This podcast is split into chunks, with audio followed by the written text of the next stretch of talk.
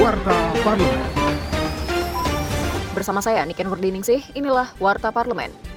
Menanggapi beredarnya video oknum tenaga pendidik berstatus ASN di Tasikmalaya yang secara terang-terangan mendukung salah satu pasangan calon presiden dan calon wakil presiden, Wakil Ketua Komisi 10 DPR RI, Abdul Fikri Fakih, mengingatkan ASN untuk menjaga kode etik yang ditetapkan dalam Undang-Undang tentang Aparatur Sipil Negara. Dalam aturan tersebut termaktub bahwa ASN dilarang menjadi anggota dan atau pengurus partai politik. ASN juga diamanatkan untuk tidak berpihak pada segala bentuk pengaruh mana pun dan kepentingan siapa pun.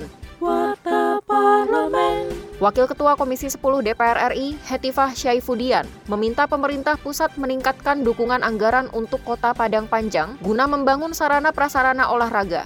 Nah, salah satunya adalah yang barusan kita tinjau gitu ya ada satu area di mana di sini akan dibangun berbagai venue baik itu untuk pemudaan maupun olahraga. Tetapi mengingat kemampuan fiskal dan APBD mereka yang sangat terbatas, tentu kita berharap pemerintah pusat juga ikut ya memfasilitasi dan memberikan dukungan support kepada kota ini agar bisa betul-betul mewujudkan potensi dan juga mendapatkan apa yang dicita-citakan oleh warganya.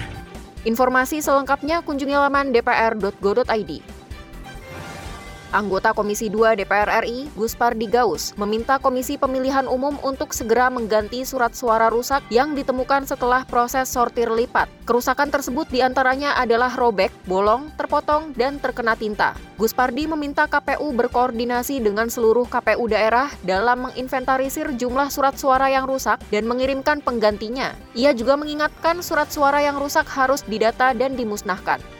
Televisi Radio Parlemen. Demikian Warta Parlemen, Produksi Televisi dan Radio Parlemen, Biro Pemberitaan Parlemen, Setjen DPR RI.